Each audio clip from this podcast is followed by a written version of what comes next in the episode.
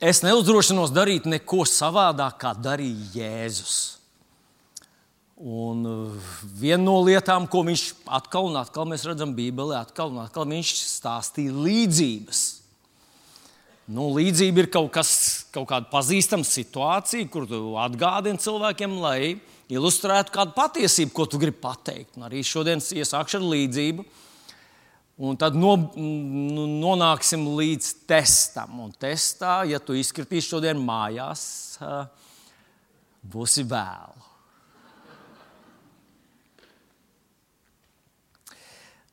Nu, kāda tad ir tā līdzība? Tā līdzība ir tāda, visiem ļoti pazīstama šodien ikdienas situācija.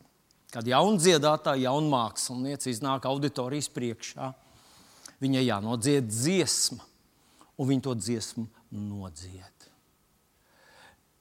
Pēc tam, kad viņi ir pabeigusi pēdējo notu, auditorija sāk pieprasīt, atkārtot, atkārtot, atkārtot.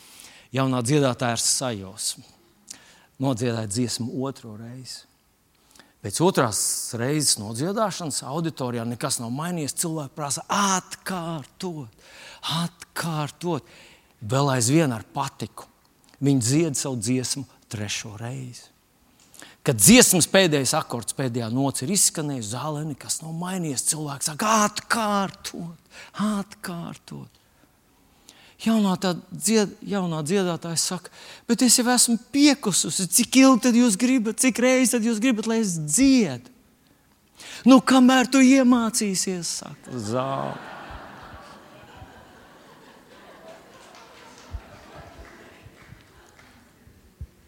Jā, līga Līga atzīmē, ka kāda atsaucīga um, publika ir bijusi tajā zālē.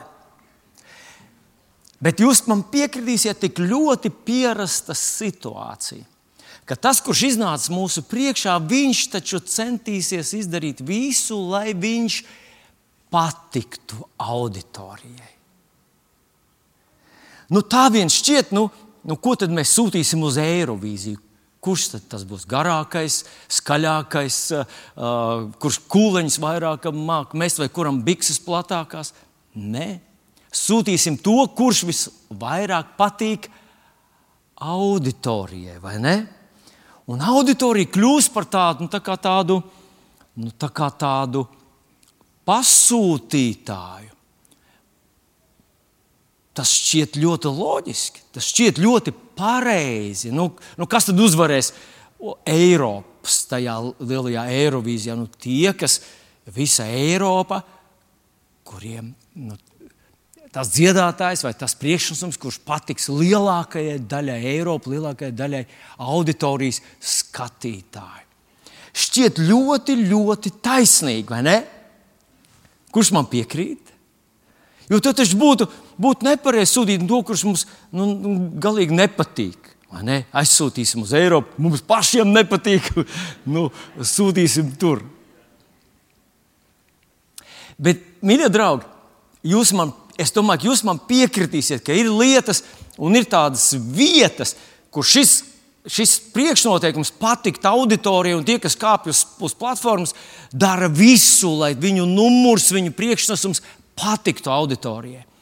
Bet viņš nemaz nav universāls, tas, šis, nu, šis princips.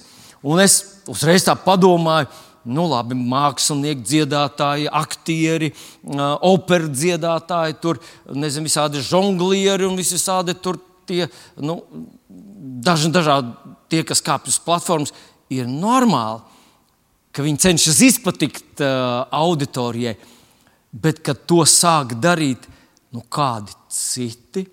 Nu, iedomājieties, iedomājieties sporta spēles, kurās uzvar tā komanda, kurai ir lielāki atbalstītāji, uh, pulks.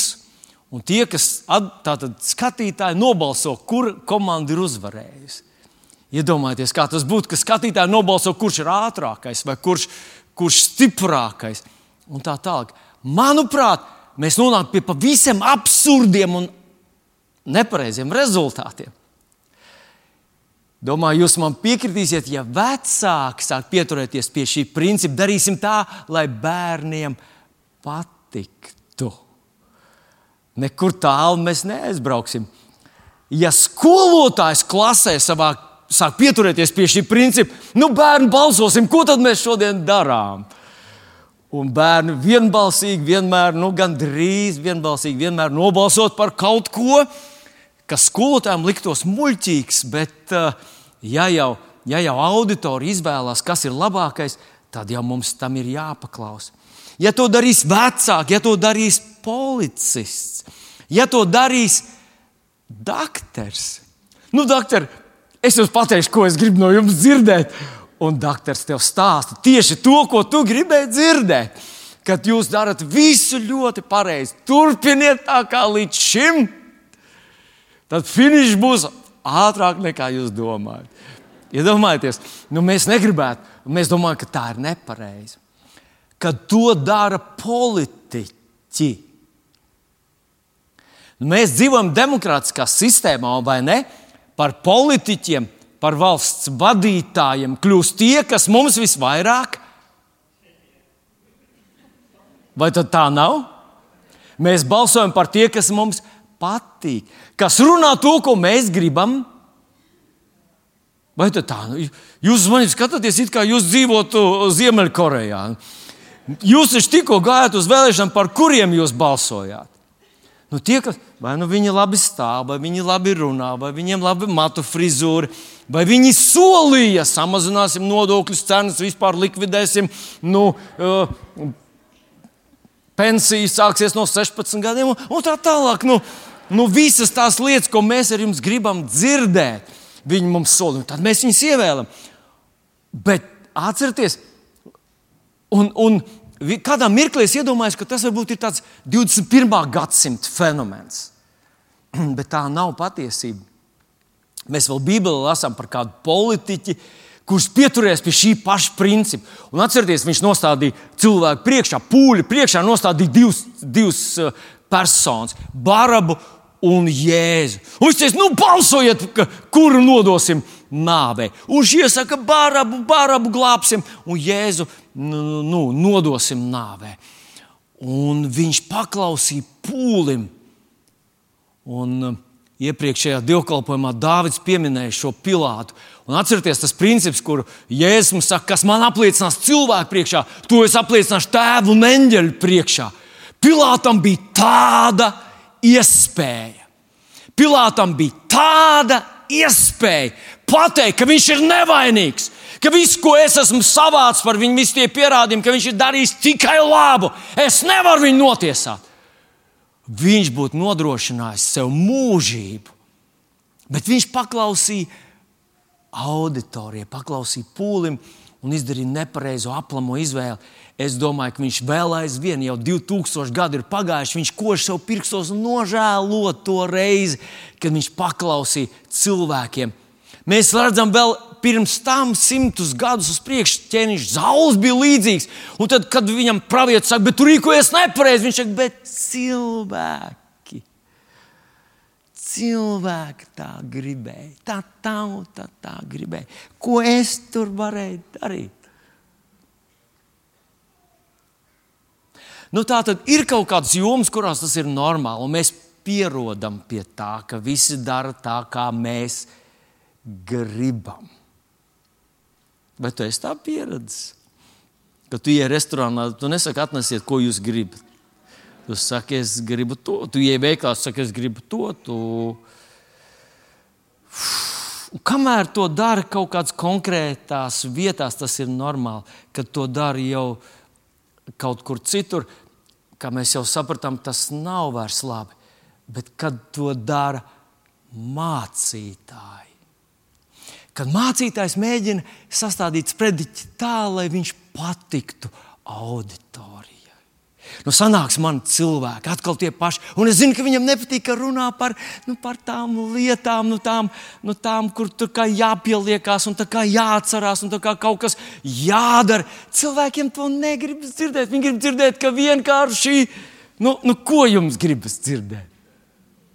Ka viss ir izdarīts, viss piepildīts. Oh, viss tagad nomierinies. Tas kungs vienkārši šokā par to, kā tu līdz šai dienai esi nodzīvojis.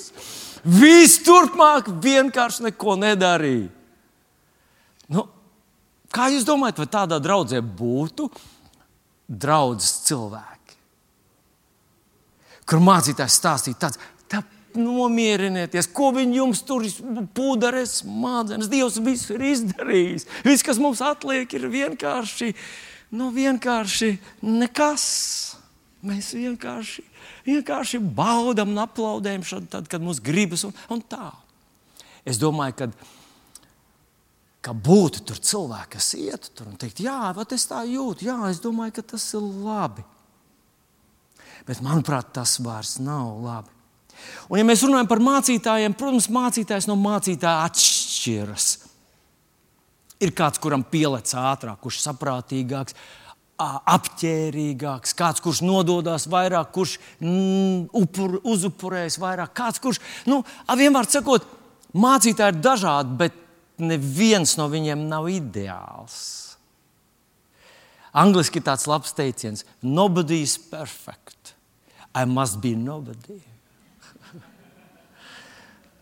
nu, tā doma varbūt drīzāk, ko es gribētu pateikt, ka, protams, ka neviens mēs neesam perfekti bet mums uz to būtu jātiecas. Un varbūt, mācītājiem mums būtu jāpieliekas vairāk un, un jānododas vairāk, lai mēs to savu aicinājumu daļu, vismaz to cilvēcīgo daļu, ka mēs tajā ieguldītu vairāk. Bet šodien es ne, negribu runāt par mācītājiem, grib, jo viņi nav perfekti. Es gribu runāt par kādu, kurš bija perfekts. Un tas ir tavs kungs un glābējs, un mūsu kungs un glābējs, un reizi arī perfekts mācītājs, un perfekts pravietis, un perfekts apustulis, un per perfekts Dieva sūtnis. Tas ir mūsu kungs Jēzus Kristus. Lūkas evanģēlijā 14. nodaļā mēs redzam tādus interesantus, interesantu mūsu situāciju. Tātad 25. pants skan tā, un daudz ļaužu gāja viņam līdzi. Un apgriezamies, viņš tiem sacīja. Tātad daudz ļaužu, milzīga auditorija. Tas būtu tā kā, nu, tāds liels pūlis. Ir ar tevi. Viņi seko labākajam, viņi seko mesijam, viņi seko Jēzum Kristum. Un mēs domājam, ka, nu, ka tā kā, tā kā tu gribi nu, tā, kaut kā izdarīt tā pareizi, vai ne? Tu negribi aizvainot cilvēku. Bet acīm redzot, Jēzus nepiedalās šajā skaistuma mācītāja skaistuma konkursā. Viņa pieeja pavisam cita. Un mēs lasām šeit 26. un 27. pāns, ir tas, ko es gribēju jums parādīt, vai apstāties. Bet 26. pantā viņš saka, ja kāds nāk pie manis un neienīs savu tēvu, un mācu, sievu, un bērnu, brāļus un māsu un pat savu pašu dzīvību, tas nevar būt mans māceklis. Nu, šo pantu lieliski mums atvēra Dāvids iepriekšējās divās svētdienās. Man ļoti uzrunāja tas vārds. Man liekas, tas bija tik bibliski pareizs. Tas ir tādā Bībeles burtā un garā, nu, ka to vajadzētu, to vajadzētu vismaz divreiz katram no mums noklausīties un, un piestrādāt pie sevis. Tātad šeit nav doma, ka tev jāienīst visa sava ģimene. Te iet runa par to, ka ka tu mīli mazāk, ka Jēzus tu mīli vairāk kā sevi pašu, uh, savus brāļus, un māsas, sievu un bērnus, un pat savu pašu dzīvību. Tātad mīlēt Jēzu vairāk. Dāvids, kā es teicu, to lieliski atvēra. Bet es gribu ar tevi apstāties pie 27. pānta, un tur ir tā pati doma, tikai pateikta, manuprāt, vēl stiprāk. Kas nenes savu krustu un neseko man, Tas nevar būt mans māceklis. Pagaidi, pagaidi, pagaidi, vilni. Vilnis tas ir 2000 gadus vēlāk. Jēzus, tev iet līdzi vesels pūlis ar cilvēkiem. Tu taču negribi samojo, sabojāt to pozitīvo, optimistisko, to, nu, to pacelāto gaisotni. Cilvēki iet tev līdzi, pasakot kaut ko, kaut ko mm, nu, ka, ka viss būs labi. Pasaka, ka es visu izdarīšu, nomierinieties, es uzkāpšu, nomiršu, augšām celšos. Jums nekas nav jādara. Nē, viņš tā nedara. Jēzus necenšas izpatikt tām pūļu simpātijām. Viņš apstājās, paskatās viņiem acīs un saka, hei, ja jūs nenesat savu krustu, jūs nevarat būt man mācekļi. Kungs, vai mēs tev nerūpam vispār? Tev mēs esam vienalga. Mēs esam atnākuši pie tevis, paskaties, cik daudz cilvēku mēs esam ciešam visādas nērtības. Mēs atkūlāmies no nezinu kurienes, lai būtu ar tevi. Vai tev mūsu tā labsajūta nav, tev ir vienaldzīga? Ja es noteikti teiktu viņiem, nē, mīļie, mani draugi, es mīlu jūs. Es jūs no visas, visas sirds mīlu. Un tāpēc es gribu, lai jūs paskatāties. Ne tikai skaties uz to, ko es daru, bet pārvidēt sevi, savas sirds, kas notiek jūsu dzīvē. Tā bibliskais tas, tas pārskat, kas ar tevi notiek, pārskat, ko tu dari, ieklausies savos vārdos, kontrolē savus domas. Tā ir daļa no jaunās derības kristietības. Un, manuprāt, šie divi dievkalpojumi par mīlu patiesību, tehniskā apskata, viņi lieliski uh, novadīja mūs pie tā, ka mēs nevis vienkārši gaidām, ka kāds cits izdara mūsu vietā kaut ko, bet mēs darām to, kas ir jādara mums pašiem, mūsu mājas darbi. Kas nenes savu krustu, nesako man. Nu, kas tad tas krusts ir? No Jēzus, no viņa uzrakstītiem vārdiem mēs secinām, ka krusts ir kaut kas, ko tu pats neizvēlētos. Tas nav kaut kas patīkams, tā nav tava pirmā izvēle, tās nav tavas intereses, tas nav kaut kas, ko tu gribi izdarīt, jo tad tev no tā kaut kas labs tiks. Krusts ir kaut kas, ko tu uzņemies papildus, kas tev apgrūtina, ko tu negribētu, kur tu neietu, pienākumu un uzdevumu, kurus tu nedarītu ja tev nebūtu svarīgs tas, kura dēļ tu to dari. Un tas ir tas, ko, ko kristietībā Jēzus sauc par mācekļu padarīšanu, mācekļu attiecībām. Ka tu nevis dari visu to, kas tev patīk un tev gribas, bet tu uzņemies darīt kaut kādas saistības, blakus nērtības, grūtības, papildus pienākumus viņa dēļ. Pasaka viņa dēļ. Nu, tā tad Jēzus nelaistos šajā konkursā iekšā, un viņam bija svarīgi, lai tie, kas viņam seko, lai viņi ir pa īstam. Lai tas ir ne tikai ārpusē, lai tur dziļi iekšpusē arī ir tas lielais, nopietnais darbs, ko Jēzus gribēja izdarīt.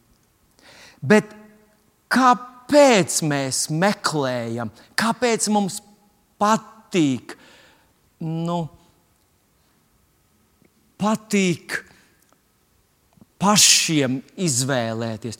Kāpēc, un es drosmīgi pateikšu, kāpēc mums patīk arī nu, ne tikai koncerts, ne tikai politiķi, ne tikai nu, kaut kādi mākslinieki un kaut kādi, kas kāpj uz platformas, mūs izklaidēt, kāpēc mums patīk izvēlēties, ko klausīties, ko skatīties, kādu dziesmu, kādu stilu, kādu apģērbu, kādu. Uh, kāpēc mums patīk arī nu, atnākot dieva namā, kāpēc mēs gribam nu, kaut ko pasūtīt. To, ko mēs gribam, kas mums simpatizē. Manuprāt, manuprāt tur droši vien, droši vien ka pasaulē izdarīta lieli, lieli pētījumi par to, ir varbūt zinātnieki, kas iedziļinās un izskaidro to. Bet, manuprāt, ir, ir ļoti vienkārši. Par to var spriest arī ļoti vienkārši. Un, piemēram, tās sazvērestību teorijas. Tās liek mums labi justies. Nu, tās sazvērestības.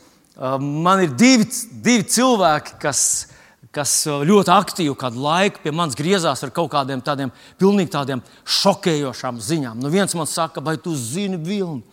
Kā jau sen ir izgudrots zāles pret visām slimībām, ka cilvēks principā ir nemirstīgs. Viņš man saka, tas jau Staļina laikā bija iz, iz, atklāts. Zinātnieki to atklājuši. Nu, lielām acīm, degošām acīm viņš man stāsta, ka tāds, tāds zāle cilvēks dzīvot mūžīgi ir atklāta. Es saku, Nu, kāpēc tad, uh, mēs par to neko nezinām? Viņš ir redzējis, tās valdības domā, kur mēs liksim visus tos cilvēkus, kas dzīvos un dzīvos un dzīvos, aizies pensijā 60 gados un pēc tam 600 gadus dzīvos. Kur mēs viņus liksim? Nu, tā tad valdības ir sazvērējušās šo slepeno zāli, nelaist apgrozībā. Nevienam neteikt, ka tāda ir. Noglabāsim viņu kaut kur tur paši priekš sevis. Nu, mēs gan redzam, ka paši arī viņi nedzīvo, vai ne? Kaut arī glabā to noslēpumu priekš sevis. Tad kādā reizē viens man saka, nu, viņam ir zini, ka ir izgudrots tāds dzinējs, kas strādā no ūdens.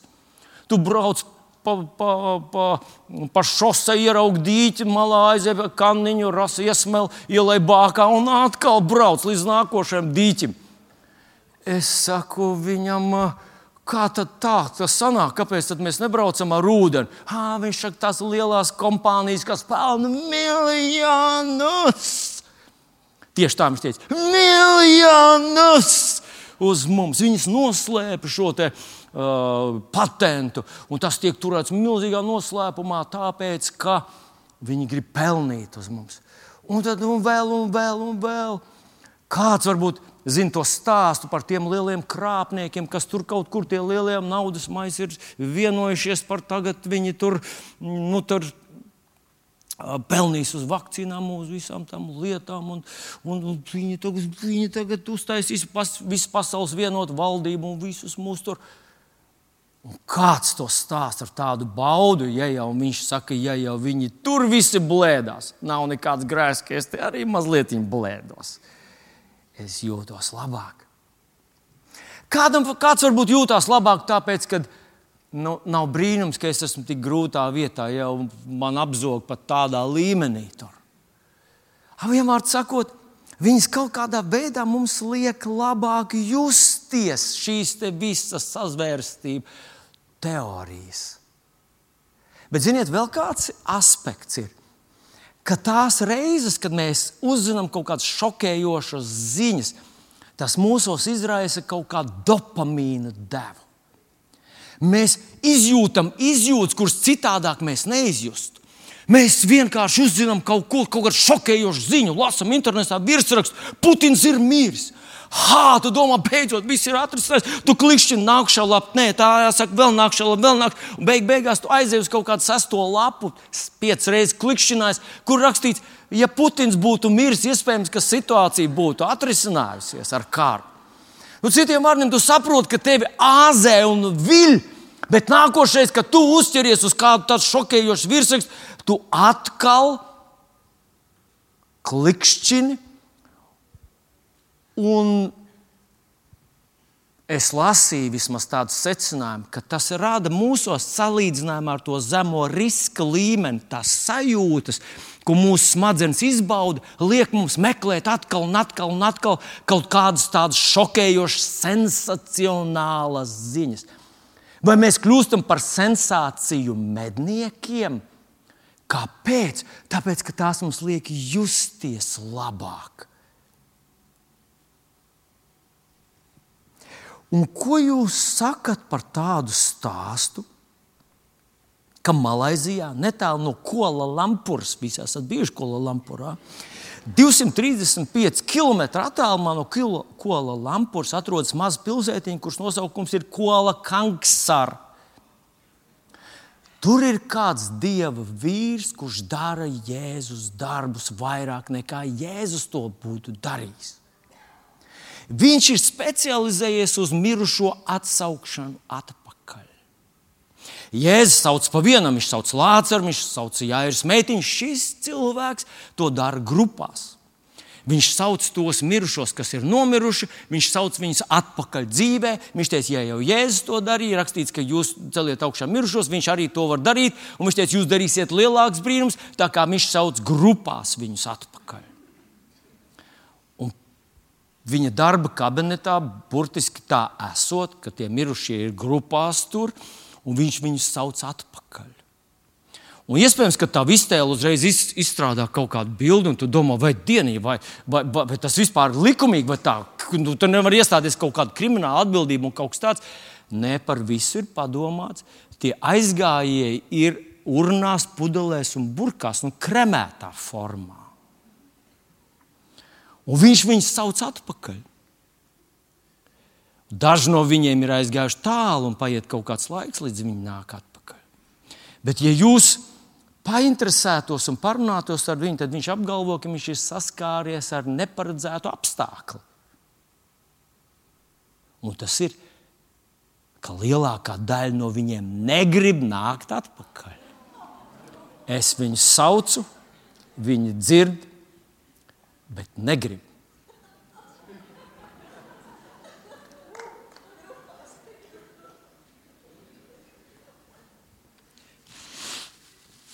Vai tas nebūtu vērts noskaidrot, redzēt to cilvēku, aizbraukt un paskatīties, un, un dzirdēt, kā viņš to sludina un kā viņš to dara? Varbūt, varbūt kad jūs zināt, esot cilvēki, kas ļoti labprāt no tālienes ved savu urnu, lai noliktu tur, lai nu, ne savu urnu.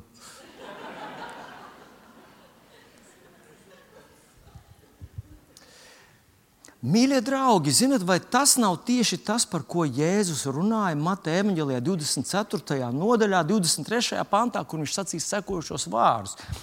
Ja tad kas jums sacīs, redziet, šeit ir Kristus, var, vai tur, tad neticiet.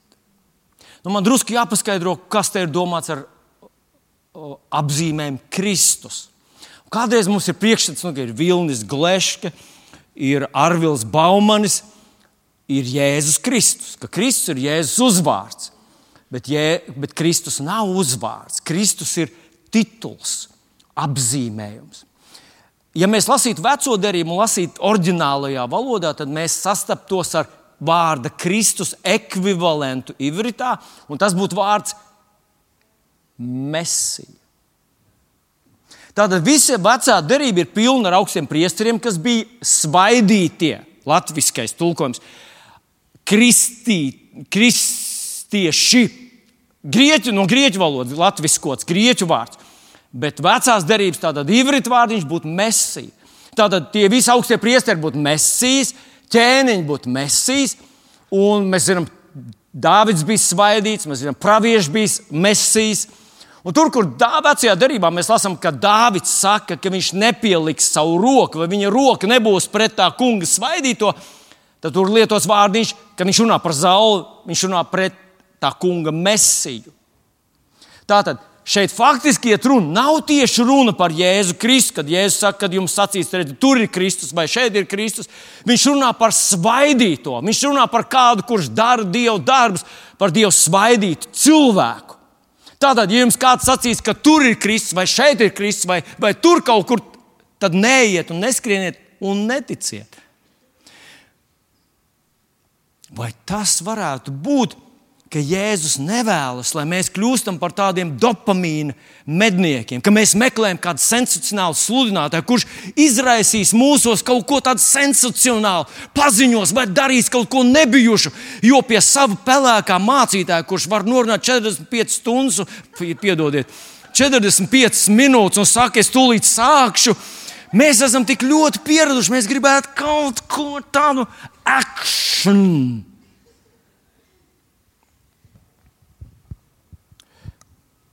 Es domāju, ka pavisam droši, ka viņš to tā domā. Un ja viņš saka, kad jums sacīs, šeit ir Kristus vai tur ir Kristus, man gribētos uzdot jautājumu, kur ir Kristus, kur ir svaidītais?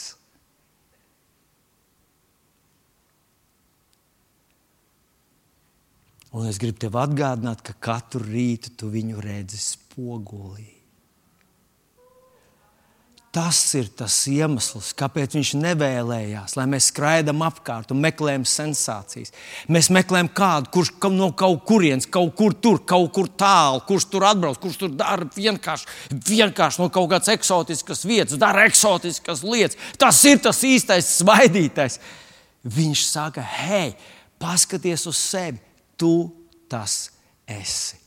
Kopš tu pieņēmi Jēzu par savu kungu, mīļais draugs, tu tas esi. Tagad, mīļie draugi, es gribu pieminēt kādu cilvēku. Es ilgi lauzīju galvu, vai to darīt vai nedarīt. Ka varbūt kāds nesapratīs, varbūt tas ir vispār pareizi. Bet es to izdarīšu, un ja, ja tev šķiet, ka tas nav pareizi, lūdzu, piedod man. Bet, manuprāt, tas arī mazliet kaut ko ilustrē. Krievijā, viņš vairs ne, nav Krievijā, viņš ir, ir izraidīts no Krievijas, viņš aizbēdzis no Krievijas. Kādreiz bija tāds Krievijas valsts domas deputāts, kādreiz žurnālists, kādreiz populāra personība un pretrunīga personība Aleksandrs Nevzorovs. Tad, kad Latvija cīnījās par savu neatkarību, viņš bija šeit kā Maskavas žurnālists, un viņš bija pret mums. Viņš bija tās autoritārās varas pusē, un viņš rakstīja savus rakstus. Viņš kritizēja šo mazo tautu neatkarības centienus, un mums viņš nevienam nepatīk. Šodien viņš ir šī kara, visas šīs agresijas kritizētājs. Un, ziniet, es, es neies, nekādā gadījumā nereklamēju viņa personību, bet vienreiz es dzirdēju tādu sarunu, kur viņš runājās ar, ar kādiem citiem žurnālistiem. Un tad tie viņam stāstīja par kādu mācītāju, kādu pareizticīgo mācītāju, kurš savā dievkalpojumā ir atļāvies, Krievu pareizticīgo mācību, kurš savā dievkalpojumā ir atļāvies nevis vienkārši lūgt, vadīt lūgšanā par to, lai armija uzvar, lai krievu raķetes krīt un sprākst, un lai, lai karavīri tiek pasargāti, un lai Dievs karo kopā ar krievu armiju. Ka šis mācītājs uzdrošinās lūgt par mieru. Vienkārši Dievs dod mieru tajā zemē, un tajā dod mūsu tautai mieru. Viņš esot, nu, noņemts no, no darba, viņš ir atcelts no savas pozīcijas. Un tad viņam uzdeva jautājumu, nu, ko tu saki par to, ka, vai tas mācītājs ir varonis. Un tad viņš teica, ziniet, manā dzīvē, es, es saku saviem vārdiem, viņa, viņa bija kompaktāks, tas sakāmais, bet noklausoties arī citas viņas sarunas, viņš teica, tā, manā dzīvē ir tāds krietns posms, kopš es lietas saucu vārdā. Es cenšos runāt, būt godīgs un lietas sauc vārdā tāds, kāds tas ir. Tāpēc man ir piespriesta astoņu gadu cietumā. Es vairs nevaru dzīvot savā zemē. Es esmu izraidīts, es dzīvoju svešumā, un man ir tāds sajūta, ka vairs nekad neatgriezīšos savā zemē un savā tautā. Un tad viņš saka, man neliekas, ka tas mācītājs ir varonis salīdzinājumā ar mani. Un tad es sāku domāt par to puisi, kurš tur netālu no Kola Lampuras cīnās par to, lai atgrieztu kādus mirušos atpakaļ, kas negrib nākt. Nu, varbūt viņam vajadzētu pievērsties dzīvajiem.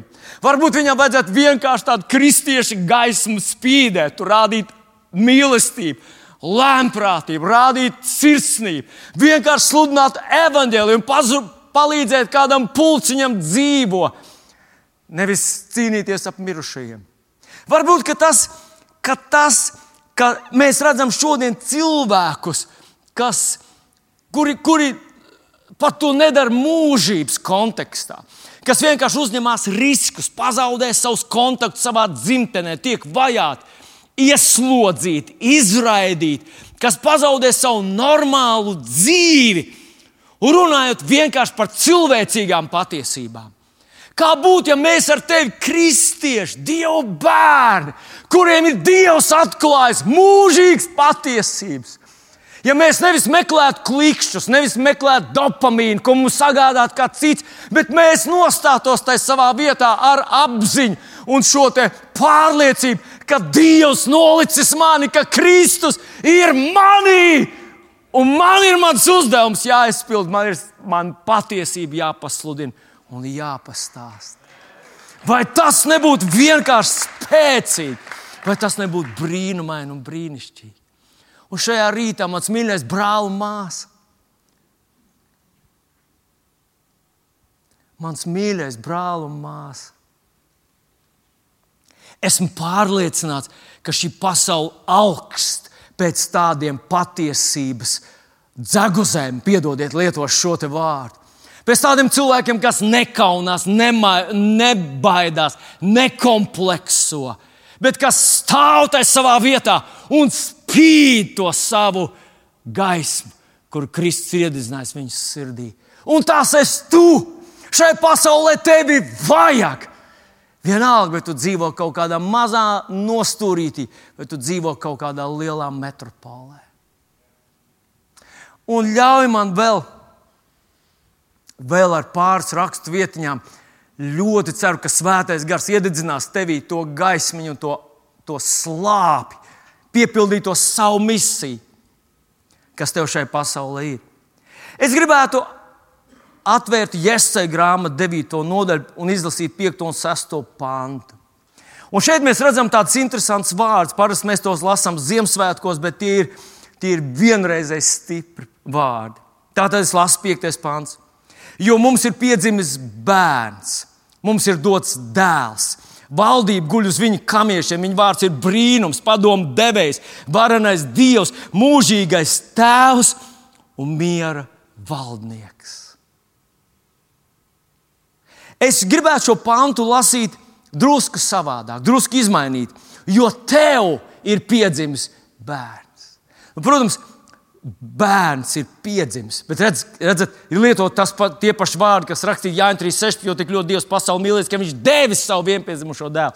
Šeit ir lietots, Jēzus neko nezināja par Jānis 3.16, viņš lieto to pašu izteiksmes veidu. Mums ir dots dēls, mūžīgais radītājs, dēls kurš tika inkarnēts šajā bērna ķermenī. Valdību uz viņu kamiešiem, viņa vārds ir brīnums, padomu devējs, varenais dievs, mūžīgais tēvs un miera valdnieks. Nu, ko tad viņš būtībā saka? Viņš saka, ka mums ir dots dievs. Tev un man ir dots dievs. Dievs! Tev un man ir dots dievs! Ah! Ah! Mēs neesam kaut kādi cilvēciņi, kas sastapsimies ar viņu tur pēc nāves, pāriesim pāri Jordāniem, cerams, ka kāds pārcels, un tad mēs redzēsim, viņš jau šeit ir ar mums šodien. Un kungs palīdz man to apzināties. Pirmā laika grāmatā, 29. nodaļā, 12. pantā, šo pantu vienu dienu svētais gars uzrunāja uz mani, un es, es viņu auklēju tur kā milzīgu dimantu savā dvēselē. Un bagātība un gods nāk no tevis. Tu esi valdītājs pār visu. Tavā rokā ir spēks un vara. Tava roka paaugstina un dara stipru. Viņš uzrunāja to man, un es teicu, Kungs, Dievs, es nezinu, kā citi, es bez tevis, bez šī tava tavas līdzdalības nespētu neko. Bet tā doma, ka Dievs tev ir devis, ka Viņš, kuram pieder augstība un varenība, iepriekšējā pantā, tas ir viss, kas ir debesīs un virs zemes, tas pieder kungs tev! Un tu esi ienācis manā sirdī, tu esi manī. Kristus ir manī. Halleluja! Un tad es lasu tālāk, tepat 9, 8 pantu. Viņa valstība ies plašumā, miers būs bez galus, Dāvida troņa, viņa ķēniņa valstībā, viņam to nostiprinot un atbalstot ar, ar tiesu un taisnību no šā laika mūžīgi. Un tad ir pēdējais teikums, vēl piebitināt, svētais gars, vēl uzskatīt, ir svarīgi pateikt, ka Dievs to dara savā dedzībā! Dedzībā! Nav brīnums, ka es kādreiz sāku kliegt šeit. Nav brīnums, ka manas cilvēciskās emocijas brīžiem sit augstu vilnu. Dievs saka, hei! Tas, ko es daru, es daru ar visu savu sirdi, ar visu savu, savām emocijām. Nu, ko tad tu dari? Viņa valstība ies plašumā, miers būs bez gala uz Dāvida troņa, viņa ķēniņa valstībā. Viņam to nostiprinot un atbalstot ar tiesu un taisnību no šā laika mūžīgi. Viņš to dara dedzībā. Halleluja! Nu, ko nozīmē viņa valstība iet plašumā? Ka viņš glābi cilvēkus. Kolosiešu vēstulīt, 1. nodaļa, 13. pāns sacīts, viņš mūs izraus no tumsības varas un pārcēla sava mīļā dēla valstībā. Viņa valstība ies plašumā. Mēs varbūt to neredzam, varbūt masu mēdīji mums to nesaka, statistika mums to neliecina, bet tu vari būt drošs, ka viņa valstība iet plašumā. Brīžiem mēs to redzam šeit, brīžiem tas varbūt pārceļās uz kaimiņu valsti, kaimiņu kontinentu, kaimiņu, uh, nezinu, uh, globus otru pusi. Uh, Bet Dievs to dara. Un es esmu drošs, ka tas notiek nepārtraukti. Dievs glābi cilvēkus. Un es gribu tev vēl kādu, um, kādu svarīgu, svarīgu atzīmēt, kādu svarīgu lietu. Otrā pētera vēstulē, trešajā nodaļā. Otrā pētera vēstulē, trešajā nodaļā. Pēters sāk ar to, ka cilvēki uzdos jautājumus. Pienāks dienas, kad nikni smējēji, teiks, nu, kur ir viņa atnākšana, kur viņš ir, kur viņš solīja nākt, ha, ha, pagājuši 2000 gadi. Kāpēc viņš nenāk? Un Pēters svētajā garā mums raksta, kāpēc viņš vēl nav atnācis. Viņš to saka 9. pantā. Tas kungs nevilcina savu apsolījumu, kā dažiem šķiet, bet ir pacietīgs ar jums, negribēdams, ka kāda pazust, bet ka visi nāktu pie, patī, pie atgriešanās. Ko viņš faktiski mums saka? Ka viņš saka, ka tad, kad būs atgriezušies visi tie, kam ir jāatgriežas, momentāli sāksies visi tie turbulentie pēdējo laiku notikumi. Tie, kurus mēs gaidām, sakām, kad jau viņi būs, kad jau viņi būs. Viņš saka, Dievs grib piepildīt savu nāmu. Un te ir, mēs nonākam līdz Lūkas evanģēliem 14. nodaļai. Tā ir pēdējā raksturvieta, kur mēs šodien paskatīsimies vairāk pantu, mēs paskatīsimies. Un šeit es gribu uzdot tev, tev testu. Es izlasīšu, visi tie ir, tie ir, tie ir, uj, uj, uj, tie ir tie ir astoņi panti. Es izlasīšu viņus, paklausies, lūdzu, un pasaki, kur tu parādies šajā stāstā. Rekur es lasu. Bet viņš sacīja, ka cilvēks taisīja lielu mīlestību un bija lūdzu daudz viesu. Un viņš sūtīja savus kalpus ap mīlestības stundu, lai sacītu lūgtajiem viesiem, nāciet, jo tas ir sataisīts bet tie visi pēc kārtas sāka aizbildināties. Pirmais viņam sacīja, es esmu tīrs un pircis, man jāiet to apskatīt, lūdzu, aizbildini mani. Otrs sacīs, esmu piecus jūgu vēršu pircis un eju tos aplūkot, lūdzu, aizbildini mani. Trešais teica, es sievu esmu apņēmis, tāpēc nevaru noiet. Kalps pārnāca to atsacīja savam kungam. Tad nama tēvs tapa dusmīgs un pavēlēja kalpam izdeist steigšus uz pilsētas ielām un gatvēm un vēd šurp nabagus, kropus, aklus un tīzlus. Un kalps sacīja, kungs ir darīts, kā tu pavēlēji, bet vēl ir vietas. Tad kungs sacīja kalpam, ej uz lielceļiem un sētmelēm un spied visus nākt iekšā, lai mans nams būtu pilns, jo es jums saku, neviens no lūgtajiem viesiem nebaudīs manu mīlestību. Āmen! Kur tu parādījies šajā stāstā? Tātad, kurš domā, ka tu biji tas viens no tiem aicinātiem, kurš netika iekšā? Neviens, jā. Kurš domā, ka tu esi viens no tiem nabaks, kropos, akls un tīzls? Trīs cilvēki. Jā. Pārējie tā nav par mums. Pārējie saka, tā līdzība nav par manīm. Ja? Ļauj man teikt, ka ir gan. Tu tur esi. Kur tu esi? Tu esi tas kalps, kur viņš izsūta. Ejiet uz ielām, gatvēm, vediet šurp visus. Es gribu, un tad ievēro, uh, ievēro šo te. Uh, 22. un 23. pāns. Kalps sacīja, kungam ir darīts, kā tu pavēlēji, bet vēl ir vietas. Kāpēc? Vēl nav sākušies tie visi tie notikumi, par kuriem mēs lasām atklāsmes grāmatā, Daniela 9. nodaļā. Kāpēc viņi nav sākušies? Kāpēc vēl mēs neredzam antikristu? Jau kad jau solīja, ka tūlīt, tūlīt būs. Dieva valstībā vēl ir vietas. Es domāju, viņi ir palicis pavisam nedaudz. Un, respektīvi, ir jautājums, vai tas tavs radinieks, tas tavs paziņš, vai viņš tiks vēl tajās atlikušajās nedaudzajās brīvajās vietās. Jo tikko vietas būs pilnas, žēlstības laiks beigsies. Un viņš beigsies ar, ar milzīgu tiesu. Tā kā jebkurš periods, Bībeles periods, laika periods beidzas ar tiesu, arī šis beigsies ar tiesu. Un tas ir tas, par ko Bībele tā ar tādiem baidu nopūtu saka, tas būs nopietni. Bet tā tad es gribu mazliet pieskarties visai šai līdzībai. Kas bija līdzīgs visiem tiem, kas bija aicinātie un neatnāca uz šo mīlestību? Viņiem bija atšķirīgas situācijas, atšķirīgas dzīves, atšķirīgi aizbildinājumi, bet viņiem visiem bija kaut kas kopīgs. Un tas ir, viņiem kaut kas bija svarīgāks par šo te nama tēvu, kurš rīkoja mīlestību. Kaut kas viņiem bija svarīgāks un nozīmīgāks. Un ievērojiet, kas ir interesanti un mazliet arī šokējoši un biedējoši, ka tie bija tie, kuri bija aicinātie viesi. Iepriekš viņi bija aicināti. Viņi zināja, ka tāds būs. Viņi zināja, ka mīlestības tiks uh, klāts un ka nam tēvs viņus ir uzaicinājis uz to, lai viņi atnāk. Mateja evanģēlijā 22. nodaļā no 1. panta sākot šī pat, šī pat ilustrācija izstāstīt. Tikai tur teikts, ka ķēniņš rīkoja savam dēlam kāzas.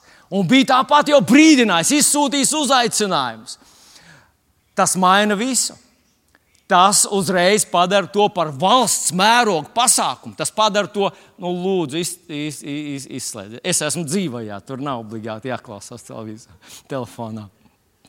Tā tad tas ir kaut valsts mēroga pasākums. Tu nevari, tu nevari to ignorēt bez sekām. Tātad, kas viņiem bija līdzīgs visiem? Viņi neieradās, bet viņiem kaut kas bija svarīgāk par to, kas ķēniņam bija tik ļoti, ļoti nozīmīgs. Vai tev ir kaut kas svarīgāks par viņa lietām? Iespējams, un iespējams, ka ka šajā mirklī tev liekas, ka tās ir svarīgi, ka tās risina tās manas šā brīža problēmas. Bet katra lieta, kas kļūst svarīgāka par dievu lietām, sāk verdzināt mūs. Nevis mēs tās lietojam, bet tās lieto mūs. Īsnībā mēs tās lietas pazaudējam. Da jebkas, un viņš piemin tur ģimeni, viņš piemin tur biznesu, viņš piemin tur mantojumu, zemes gabalu, tas, kas paliks pēc tevis. Tavā vārdā sauksies, ko tavu bērnu, mazbērnu un tā tālāk ja tas ir svarīgāks par dievu lietām, tu pazaudēsi galveno. Bet ļauj man vēl norādīt uz kādu ļoti briesmīgu un nopietnu lietu. Viņš nobeidz šo stāstu ar to, es jums saku, neviens no lūgtajiem viesiem nebaudīs man mīlestību. Tie lūgtie viesi ir kādi īpaši lūgtie viesi. Man nav tik daudz laika, lai parādītu jums, ka tie Es tā domāju, tā ir viļņu teoloģija. Un lūdzu, nepiedaudzieties, jums ir citas domas, nedusmojieties, varat paturēt savējās. Bet es domāju, ļoti lielā mērā viņš runā par Izraēlu tautu, kas bija aicināti jau no sākuma, kas no sākuma jau zināja visu to plānu, visas tās tendences. Viņiem piederēja visi apsolījumi, piederēja visas pazīmes, kāds mesija būs, ko viņš darīs. Un liela daļa Izraēlas tautas viņu nepieņēma. Bet ne tikai Dārvids kādā vietā saka, viņu bagāti klātais galds ir kļuvis viņiem par slāzda valgu. Bet ne tikai Izraēla tautas cilvēki ir tādi. Ziniet, vienu dienu es sapratu, ka es esmu tāds, kurš ir tas aicinātais viesis. Jo no brīža, kad es ienācu šajā pasaulē, es sastapos ar to, ka kāds man stāstīja par šo ķēniņu, kāds man stāstīja par tām ķēniņa valstības not, svarīgiem notikumiem, uz kuriem tu esi aicināts. Tu esi aicināts, tu esi aicināts pieņemt viņa pestīšanu, tu esi aicināts būt attiecībās ar viņu. Tu esi aicināts, lai tu piedalītos pie šī ļoti svarīgā un nozīmīgā notikuma, kas svarīgāks par visu citu. Zinat ko? Es konstatēju, ka daudz no maniem vienaudžiem, kas tāpat no bērnības tika audzināti, ticīgi vecāku ģimenēs, kuriem stāstīja, un vecāki stāstīja, baznīcā stāstīja, svētdienas skolā stāstīja, viņi lasīja grāmatiņas, viņi dziedāja dziesmiņas, viņi lūdza lūgšanas. Kaut kur atnāca tāds brīdis, tāda. Nu, es nevaru nu, izskaidrot, kā, kā, lai noska, kā lai to apzīmē, ka tās ir pašsaprotamas lietas ka tas ir kaut kas, kas man pieder ar dzimšanas tiesībām. Tā ir kā pilsonība, es piedzimu, tā man ir. Un ka mana dieva bērnība, man piederība dieva ģimenei, mana glābšana, tā man būs, lai vai kas. Un tad, kad atbildīgajā brīdī viņš aicina tos, viņš sūta savus kalpus pie viņiem nākat, ir sataisīts. Viņi saka, šobrīd es nevaru. Man ir ģimenes problēmas, man ir šobrīd biznesa problēmas, vispār es aizņemos, man nav laika dzīvē. Tās glābšanas, tās mesijas lietas, tās nekur nepazudīs. Un tad ir tas apgalvojums, es jums saku, neviens no lūgtajiem viesiem nebaudīs man mīlestību. Mans mīļais jaunais draugs, Varbūt tu esi uzaugusi kristīgi vecāku ģimenē.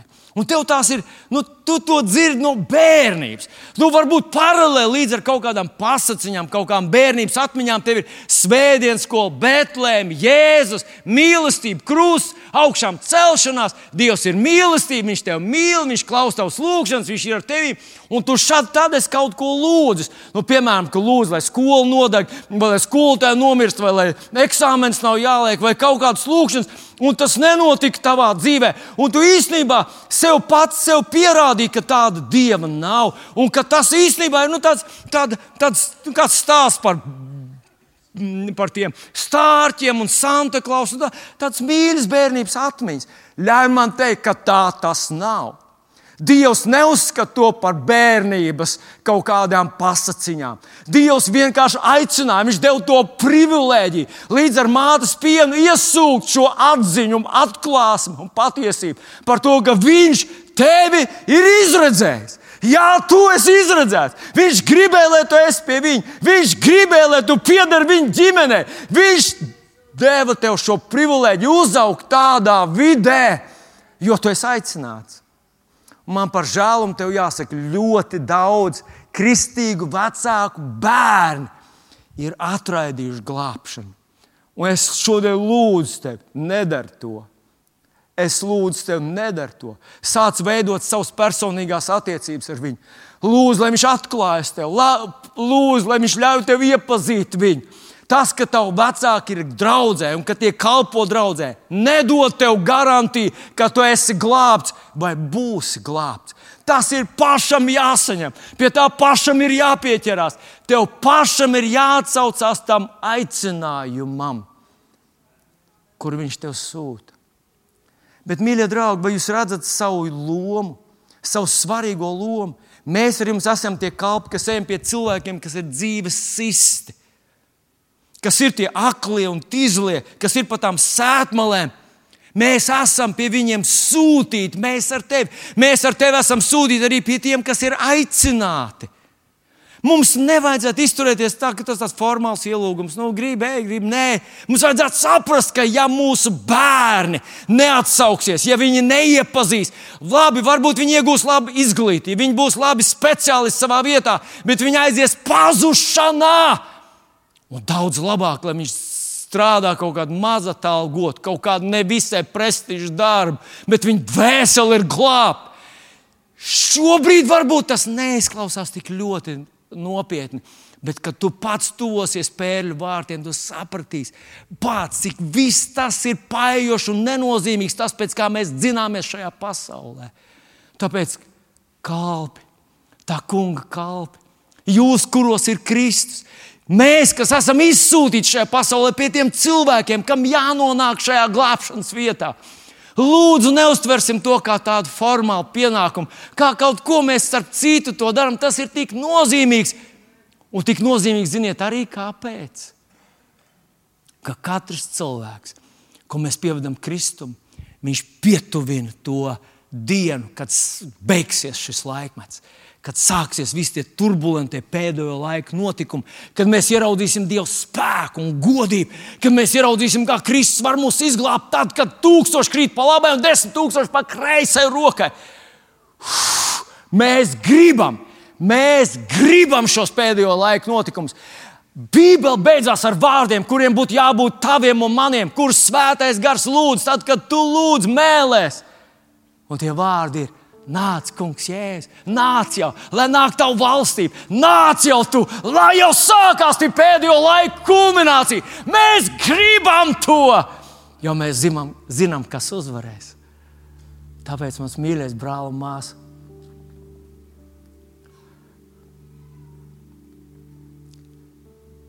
Kungs palīdz mums to ieraudzīt. Es nobeigšu ar raksturvietu no 2. korintiešiem 5, 20. Tā mēs nākam Kristus sūtīt. Un runājam, it kā Dievs runātu caur mums. Ļaujieties salīdzināties ar Dievu. Dievs runā caur tevi. Viņš grib runāt caur tevi un mani. Varbūt pirmajā mirklī tev liekas, ka tu neesi piemērots un tu gribētu, lai kāds cits to izdara tavā vietā. Bet tie ir lielākie meli. Jo no vienas puses, tu esi absolūti nepiemērots. Tieši tāpat, kā esmu nepiemērots savai mācītāju kalpošanai, man vienmēr ticībā jālūdz Dievs, es eju, bet es eju tāpēc, ka tu man teici, iet. Un tas ir tas, ko tu dari. Katru reizi, kad tu pieskaries kādam cilvēkam, kad tu atver muti, kad tu uzliec savu roku lūgšanai, mīļais draugs. Tu saki, kungs, es zinu, es neesmu adekvāts, es neesmu atbilstošs, bet es to daru, jo tu man sūtīji. Un es ticu, ka Dieva spēks grib pieskarties dzīvajiem. Negaidīsim, lai viņi nomirst un sauksim atpakaļ. Nē, labāk, kamēr viņi ir dzīvi, pieskarsimies viņiem ar mīlestību. Dievs, Dievs grib, lai mēs aiznesam šīs viņa attiecības līdz tiem cilvēkiem, kas mums blakus dzīvo, strādā, mācās, staigā.